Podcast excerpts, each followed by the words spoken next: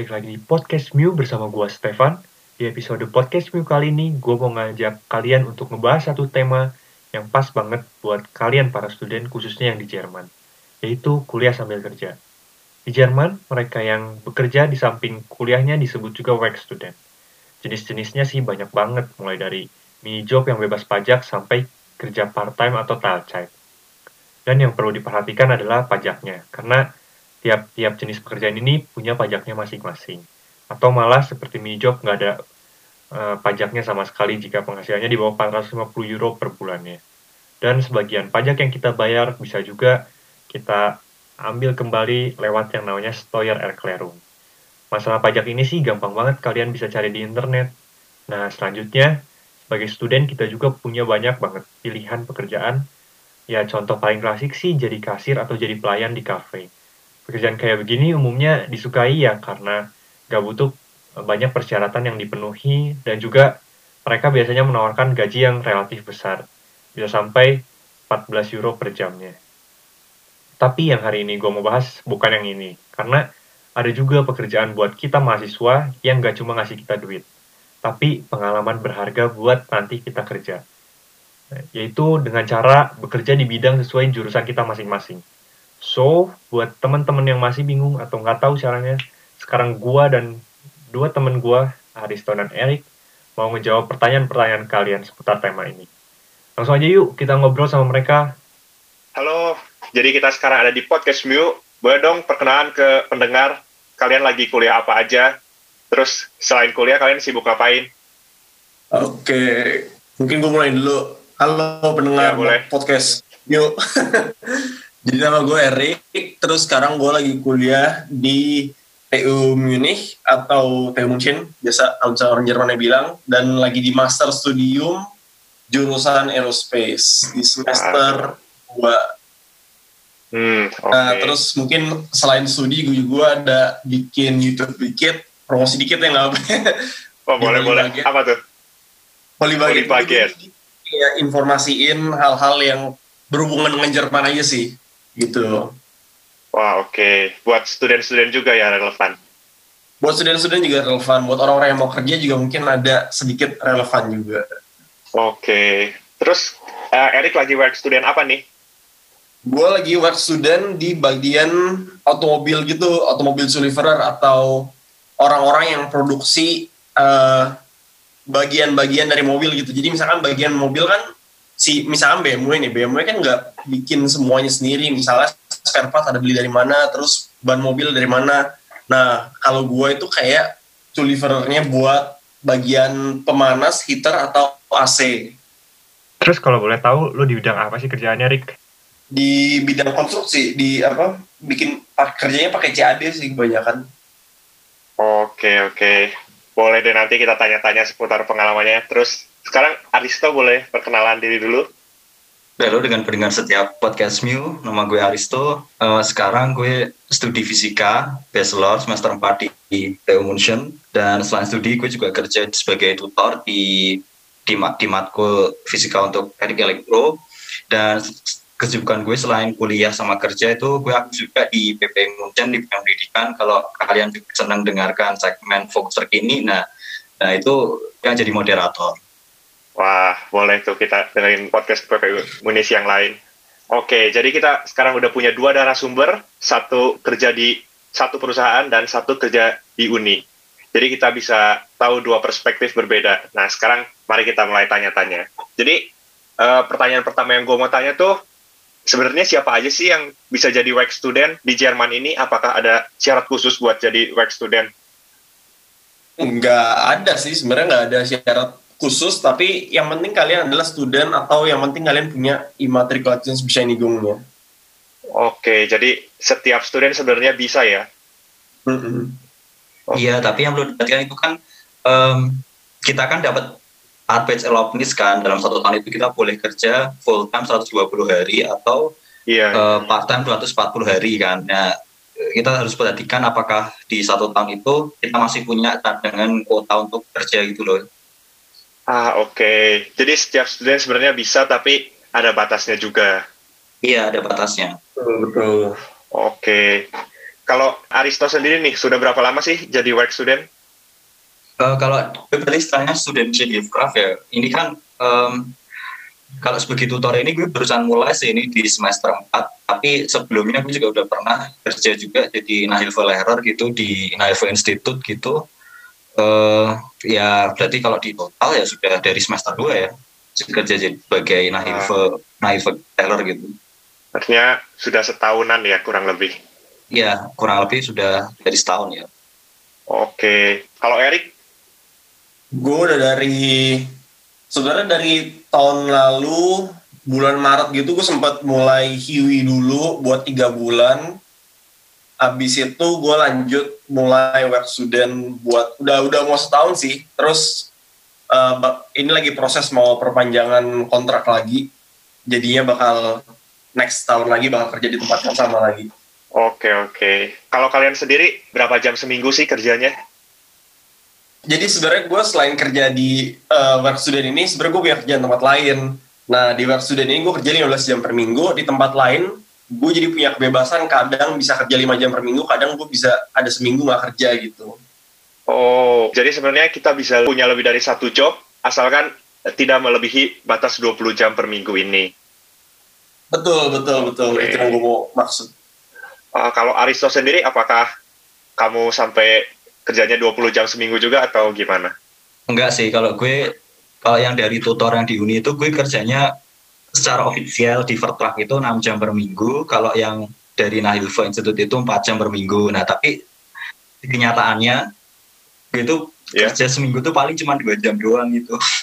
Oh, karena artinya iya karena karena di ini kan karena pandemi corona kan jadinya Iya. Jadinya gue gak harus datang ke uni, gak harus jadi lebih lebih organisasi itu lebih gampang gitu loh oke okay, oke okay.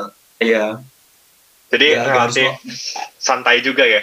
Iya gue nggak harus ngoreksi apa namanya ngoreksi kerjaan mahasiswa-mahasiswa gitu loh. Gue cuman tinggal ngejelasin di, di, ngejelasin solusi dari soal-soal itu atau enggak jawab pertanyaan mahasiswa-mahasiswa yang kesulitan gitu sih. Uh, oh, tapi ini dibayarnya per jam atau udah per bulan kontraknya itu kontraknya per bulan sih tertulisnya wali Arbeitszeit seks stunden gitu per per per woche. Oh, artinya kamu kerja dua jam tapi dibayarnya enam jam.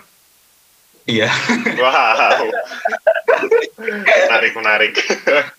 Boleh tuh kalian-kalian yang mau jadi tutor di uni di pandemi corona ini sekarang.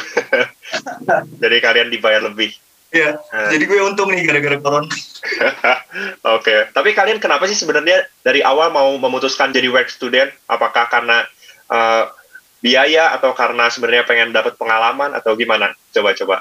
Uh, kalau gue kan emang udah dari semester tiga ya pengen jadi work student soalnya yeah. ya pertama itu kerjanya di uni kan gak usah cari institut lain di luar terus kedua itu kan relevan kan sama bidang studi gue fisika kan terus terus kerjanya juga iya. nggak susah cuma tinggal ngajarin. Kalau misalnya udah udah menguasai bidangnya ya udah tinggal ngajarin doang. Terus yang keempat itu tuh dapat koneksi sama profesor gitu ya yang mungkin bisa jadi betrayal kita di Bachelor Alpet atau mungkin membantu di kemudian hari gitu loh. Makanya oh benar banget. Ya kita bisa menjalin kontak dengan profesor-profesor ya.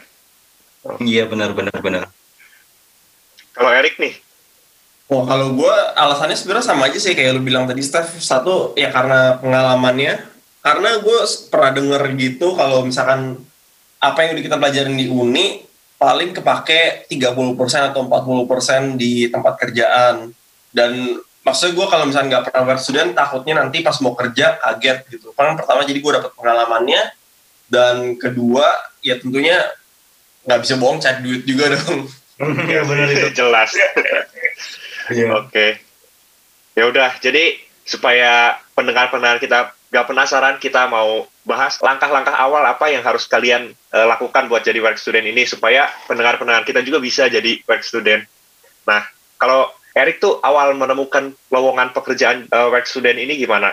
Yang di automobil Chulifarer ini. Apakah disediakan dari Unika atau bagaimana? Enggak disediain dari uni sih, tapi sebenarnya cara carinya banyak banget. Kalau gua waktu itu carinya sebenarnya di online aja. Nggak, nggak inget banget sih, yang pasti ada macam-macam website kayak stepstone.de, ada connecticum.de, di website banyak banget. Di LinkedIn di Sing juga ada.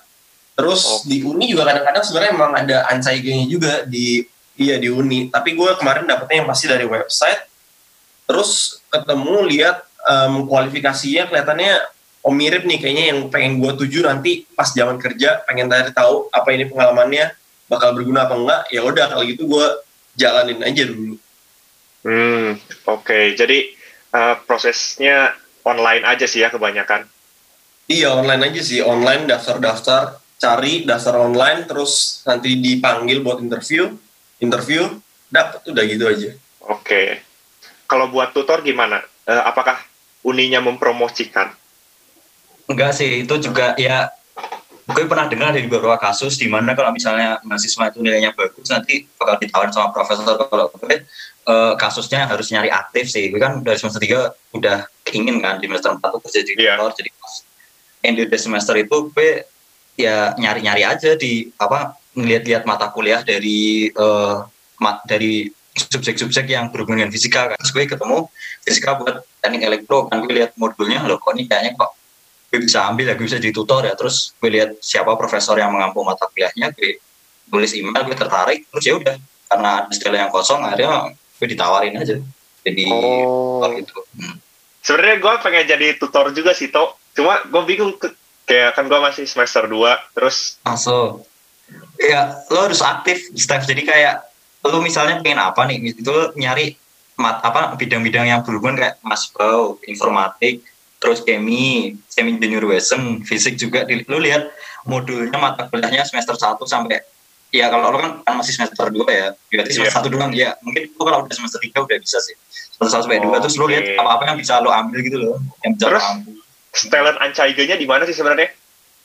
Wah, kalau gue nggak gue aktif nyarinya betul ya. Jadi gue lihat oh ini mat ini matematika nih misalnya bachelor matematika atau informatik sih matematikanya oh ada analisis nih ada linear algebra. Oh, bisa nih kayaknya oh. jadi tutor gitu. Jadi jadi lu langsung email ke profesor yang uh, itu iya ya? benar. So jadi sebenarnya nggak ada setelan ancaiganya ya buat kayak ginian enggak enggak ada ya. Jadi harus aktif ya benar harus aktif sih. Uh, terus terus kalau uh, buat jadi tutor tuh ada tesnya begitu atau apa sih sebenarnya yang harus diperlukan sebelum kita daftar jadi tutor sebenarnya simpel sih yang diperlukan itu cuma dua apa pertama eh tiga sih tiga tiga. Yang pertama itu nilai ya. Jadi sebelum jadi tutor nanti ditanya dulu apa namanya disuruh disuruh uh, ngirim untuk Ausugo itu loh. Jadi dilihat nilainya apa nilainya bagus atau jelek atau mencukupi. Terus yang kedua itu pengalaman dari tutor. Nah gue kan dari semester dua kan udah ya jadi ngayul letter kan udah ngasih yeah. tutor juga. Nah akhirnya gue, gue beritahu aja itu sama bahasa Jerman itu mencukupi enggak kalau buat ngajarin kan walaupun kita tuh kuliah dalam bahasa Jerman tapi kan iya. Semua mahasiswa asing itu bahasa Jermannya kan lancar gitu ya. apalagi Dan untuk ngobrol dan ngejelasin ya. Iya iya. Oke. Okay. kalau buat dikerja di perusahaan apakah kita punya harus punya kompetensi-kompetensi tertentu enggak sih? Atau setiap student bisa juga ini sebenarnya setiap student bisa juga. Cuman kan maksudnya kalau misalnya kita daftar suatu style gitu kan pasti ada saingannya juga. Yaitu pasti kalian dibandingin sama saingan kalian. Tapi juga jangan lupa biasanya kan kalau misalkan pas kita daftar di lowongannya ada prosesnya juga tuh ada ditulis kalian mesti biasanya paling pertama pastinya harus studium di bidang apa apa apa, apa atau apa atau yang vergleichbar habis itu kedua yang pasti dibutuhin juga ya strukturierte Arbeitsweise, habis itu perlu uh, bertanggung jawab juga orangnya. Habis itu yang ketiga biasanya juga ada uh, misalnya kayak kayak kayak gue nih sekarang nih, gue kan uh, kerjanya di bagian design and development. Jadi ada konstruksinya gitu lah. Jadi yeah. tentu aja gue perlu, perlu punya pengalaman di bidang konstruksi. Kayak misalkan gue pernah ikut praktikum CAD gitu. Ya maksudnya jadi jangan sampai kalian datang ke situ terus nggak punya pengalaman apa-apa misalnya mau kerja di bagian desain tapi lu nggak punya pengalaman desain apa-apa gitu kan ntar jadinya malah perusahaannya harus ngajarin lu apa untungnya apa kerjaan kita kan. Iya iya iya. Oke okay, jadi, jadi pengalamannya sesuai jurusan masing-masing aja sih. Sesuai, okay. sesuai apa lowongan yang daftar oke okay, jadi uh, buat dua posisi ini sama-sama butuh pengalaman ya. Kalau buat daftar sendiri uh, kita perlu dokumen apa aja sih? Apakah kita harus nulis motivation schreiben kah atau uh, motivation letter? Motivation letter pasti perlu Lebenslauf atau riwayat hidup juga pasti perlu CV ya CV riwayat hidup milik Indonesia yeah. CV CV itu pasti perlu abis itu kalian pasti perlu immatriculation Bescheinigung kalian buat bukti kalian benar-benar ada apa kalian benar-benar anak universitas gitu okay. itu sih tiga yang paling wajib tapi sisa-sisanya okay. tambah-tambahannya biasanya kalau student buat sertifikat gitu-gitu belum perlu sih oke okay. kalau buat tutor sebenarnya sama aja ya kalau, kayaknya ya tutor sebenarnya malah, malah lebih simpel karena gue cuman butuh ngasih Lebenslauf sama konto juga aja. Soalnya kan ya gue jadi uni ya ngapain juga harus ngasih iya pasien pecahan lingkungan karena datanya yep. udah ada di. Ya itu hmm. aja sih hmm. paling dua yang dokumen yang perlu. Oke, okay. kalau Aristo sendiri susah nggak sih buat dapat posisi tersebut sebagai tutor ini? Uh, apakah tinggal email ke profesor terus kita bakal dapat posisinya atau kita bakal diseleksi dulu atau gimana? Susah apa sih buat dapat itu? ya nggak ada seleksi sih. Seleksinya tuh lebih ke ya tadi yang gue bilang lebih ke ngelihat uh, ini nilai ini anaknya nilainya bagus nilainya mencukupi enggak atau pengalamannya ada enggak. Itu sih paling dua itu. Jadi gue cuman uh, email profesor ngasih nilai ngasih Lebenslauf terus nanti profesornya memutuskan gitu uh, apakah bakal diambil atau enggak ya mungkin karena memang kekurangan personal ya waktu itu ya ada okay. gue langsung diambil gitu aja sih kalau Erik gimana nih? Apakah susah buat dapat posisi buat kerja di satu perusahaan pas saat kita masih bachelor? Hmm, sebenarnya pas lagi bachelor sebenarnya lebih susah sih memang, tapi pas lagi master dapat uh, studentnya sebenarnya kelihatannya lebih gampang ya. Pas lagi master. Nah, biasanya tapi sebenarnya kan tergantung saingan kalian juga gitu. Misalkan pas lagi daftar, kalau misalkan kalian daftar di perusahaan besar ya tentunya lebih susah karena step-stepnya biasa lebih panjang misalnya sebelum dokumen kalian bisa sampai dibaca sama uh, bagian HR-nya itu kalian udah disaring melalui online. Jadi misalnya di online biasa kalian harus masukin ini untuk perusahaan besar ya. Yeah. Kalian harus masukin nilai kalian berapa, habis itu kualifikasi kalian apa aja. Nah, itu udah kalian otomatis kesaring berapa jadi berapa persen doang yang buat dibaca sama HR-nya. Nah, tapi kalau misalkan hmm. kayak perusahaan yang lebih kecil, mungkin kalian daftarnya aja email langsung ke uh, ada emailnya gitu, bukan lewat online. Eh, maksudnya lewat online juga tapi lewat email. Yeah. Jadi iya. bukan lewat portal gitu ya. Nah, kalau itu kan orang HR pasti baca langsung. Biasanya itu juga perusahaan lebih kecil terus persaingannya lebih di, lebih dikit juga. Jadi kesulitannya sebenarnya beda-beda sih. Oke, oke. Jadi tergantung saingan dan juga uh, pengalaman kita mungkin kalau sudah master lebih banyak pengalaman lebih mudah juga ya betul dan okay. besar perusahaannya juga karena kalau makin besar perusahaannya biasa yang daftar makin banyak kalau Erik kenapa sih milih kerja di perusahaan gak kayak Aristo aja kerja di uni jadi tutor atau apa Uh, kemarin sebenarnya waktu itu pas lagi nyari sempat cari-cari pekerjaan di uni juga. Cuman di uni biasa mereka nawarin pekerjaannya cuman di bawah apa maksimal 10 jam per minggu. Terus karena kalau gue sekarang lebih banyak uh, bisa bilang biaya hidup diri sendiri gak cukup lah kalau dari uni doang pendapatannya. Terus yeah. pendapatan dari uni memang dia udah set selih gitu uh, udah pas lah harganya segitu. Nggak akan bisa kurang nggak akan bisa lebih jadi lumayan batas kecilnya sih menurut gue jadi pendapatan uh, lebih kecil kalau negatifnya ada nggak nih kerja di perusahaan kalau menurut Erik negatifnya ya jauh dari uni. oh, bener banget sih. Kalau kerja di uni kayak Aristo kan, kita nggak usah buang waktu di perjalanan lagi. Iya bener. Tapi ini kan sewisu corona ya, jadi ya nggak nggak nggak usah pergi-pergi juga kan. Lo ada work from home juga kan, Rick? Oh iya. Iya kalau kemarin iya sih sempat work from home. Untungnya kemarin pas awal-awal Februari sebelum coronanya heboh banget di sini udah dibagiin laptop tiba-tiba. oh, dapat laptop dari perusahaan ya?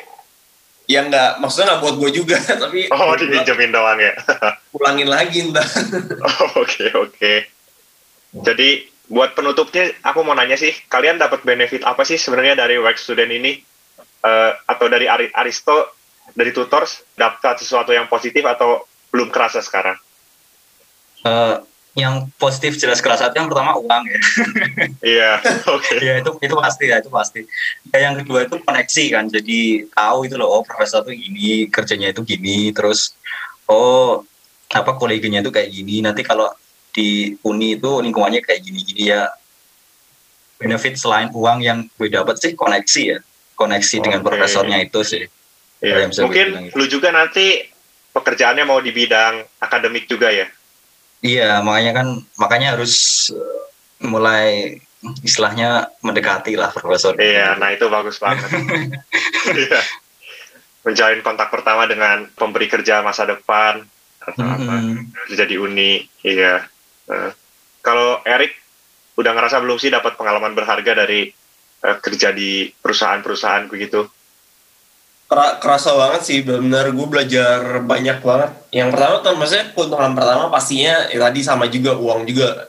Habis itu yang kedua ya gue belajar pengalamannya banget di mana gue belajar terjun langsung ke project-project yang ada.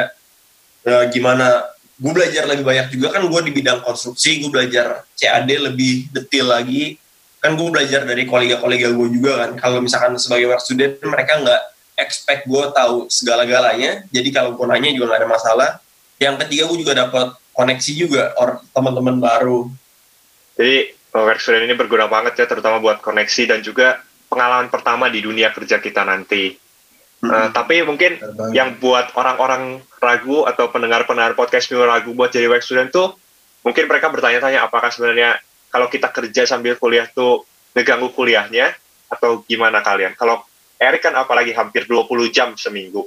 Apakah itu ngeganggu kuliahnya Erik? Atau sebenarnya dengan time management bagus, sebenarnya oke-oke aja? Nah itu sebenarnya menurut gua intinya time management sama pengorbanan sih. Jadi kalau misalkan gue biasa misalkan bagi waktu nih, gue ini contoh ya, contohnya di masa ujian yang paling berat soalnya kan.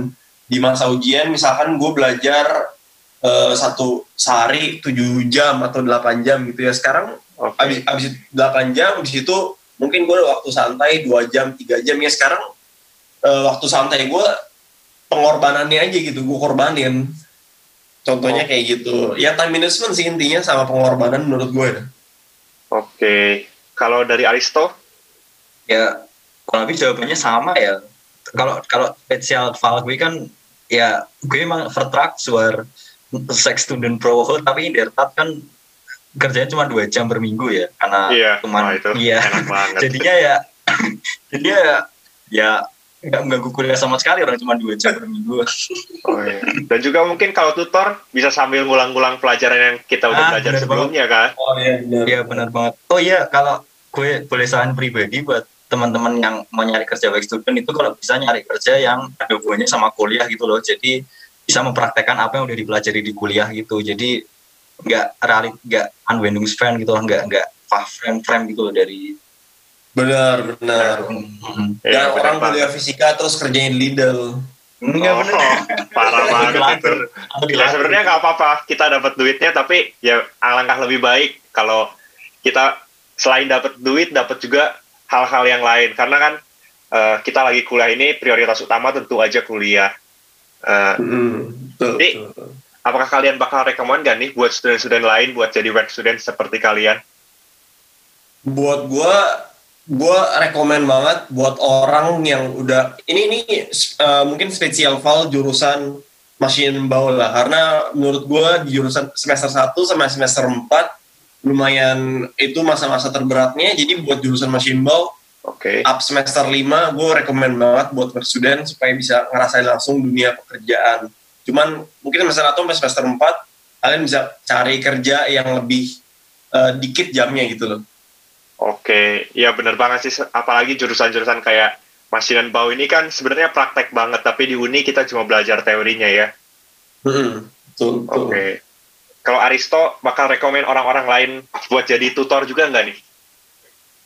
Buat jadi tutor, uh, iya sih kalau kalau kalau menurut gue ya kalau misalnya kalian suka ngajar, kalau misalnya kalian emang mau berkali bidang akademik, jadi maksudnya jadi profesor atau jadi peneliti gitu ya, ya ya bisa gue saranin sih. Kan kalian juga nanti bakal dapat koneksi dengan profesor, bisa mungkin aja bisa nulis bachelor arbeit sama profesor itu. Mungkin uh, mungkin bisa apa namanya ada kontak lebih dalam lagi. Dia bisa ngasih rekom rekomendasi kalau misalnya mau promoviran atau gitu sih.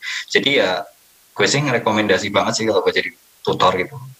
Oke terutama karena kontak dan profesornya ya. Kontak dengan profesornya itu yang paling penting sih. Hmm. iya buat daftar apa atau buat apa stipendium lah. Kadang-kadang kita juga butuh kayak rekomendasi hmm. dari profesor gitu kan.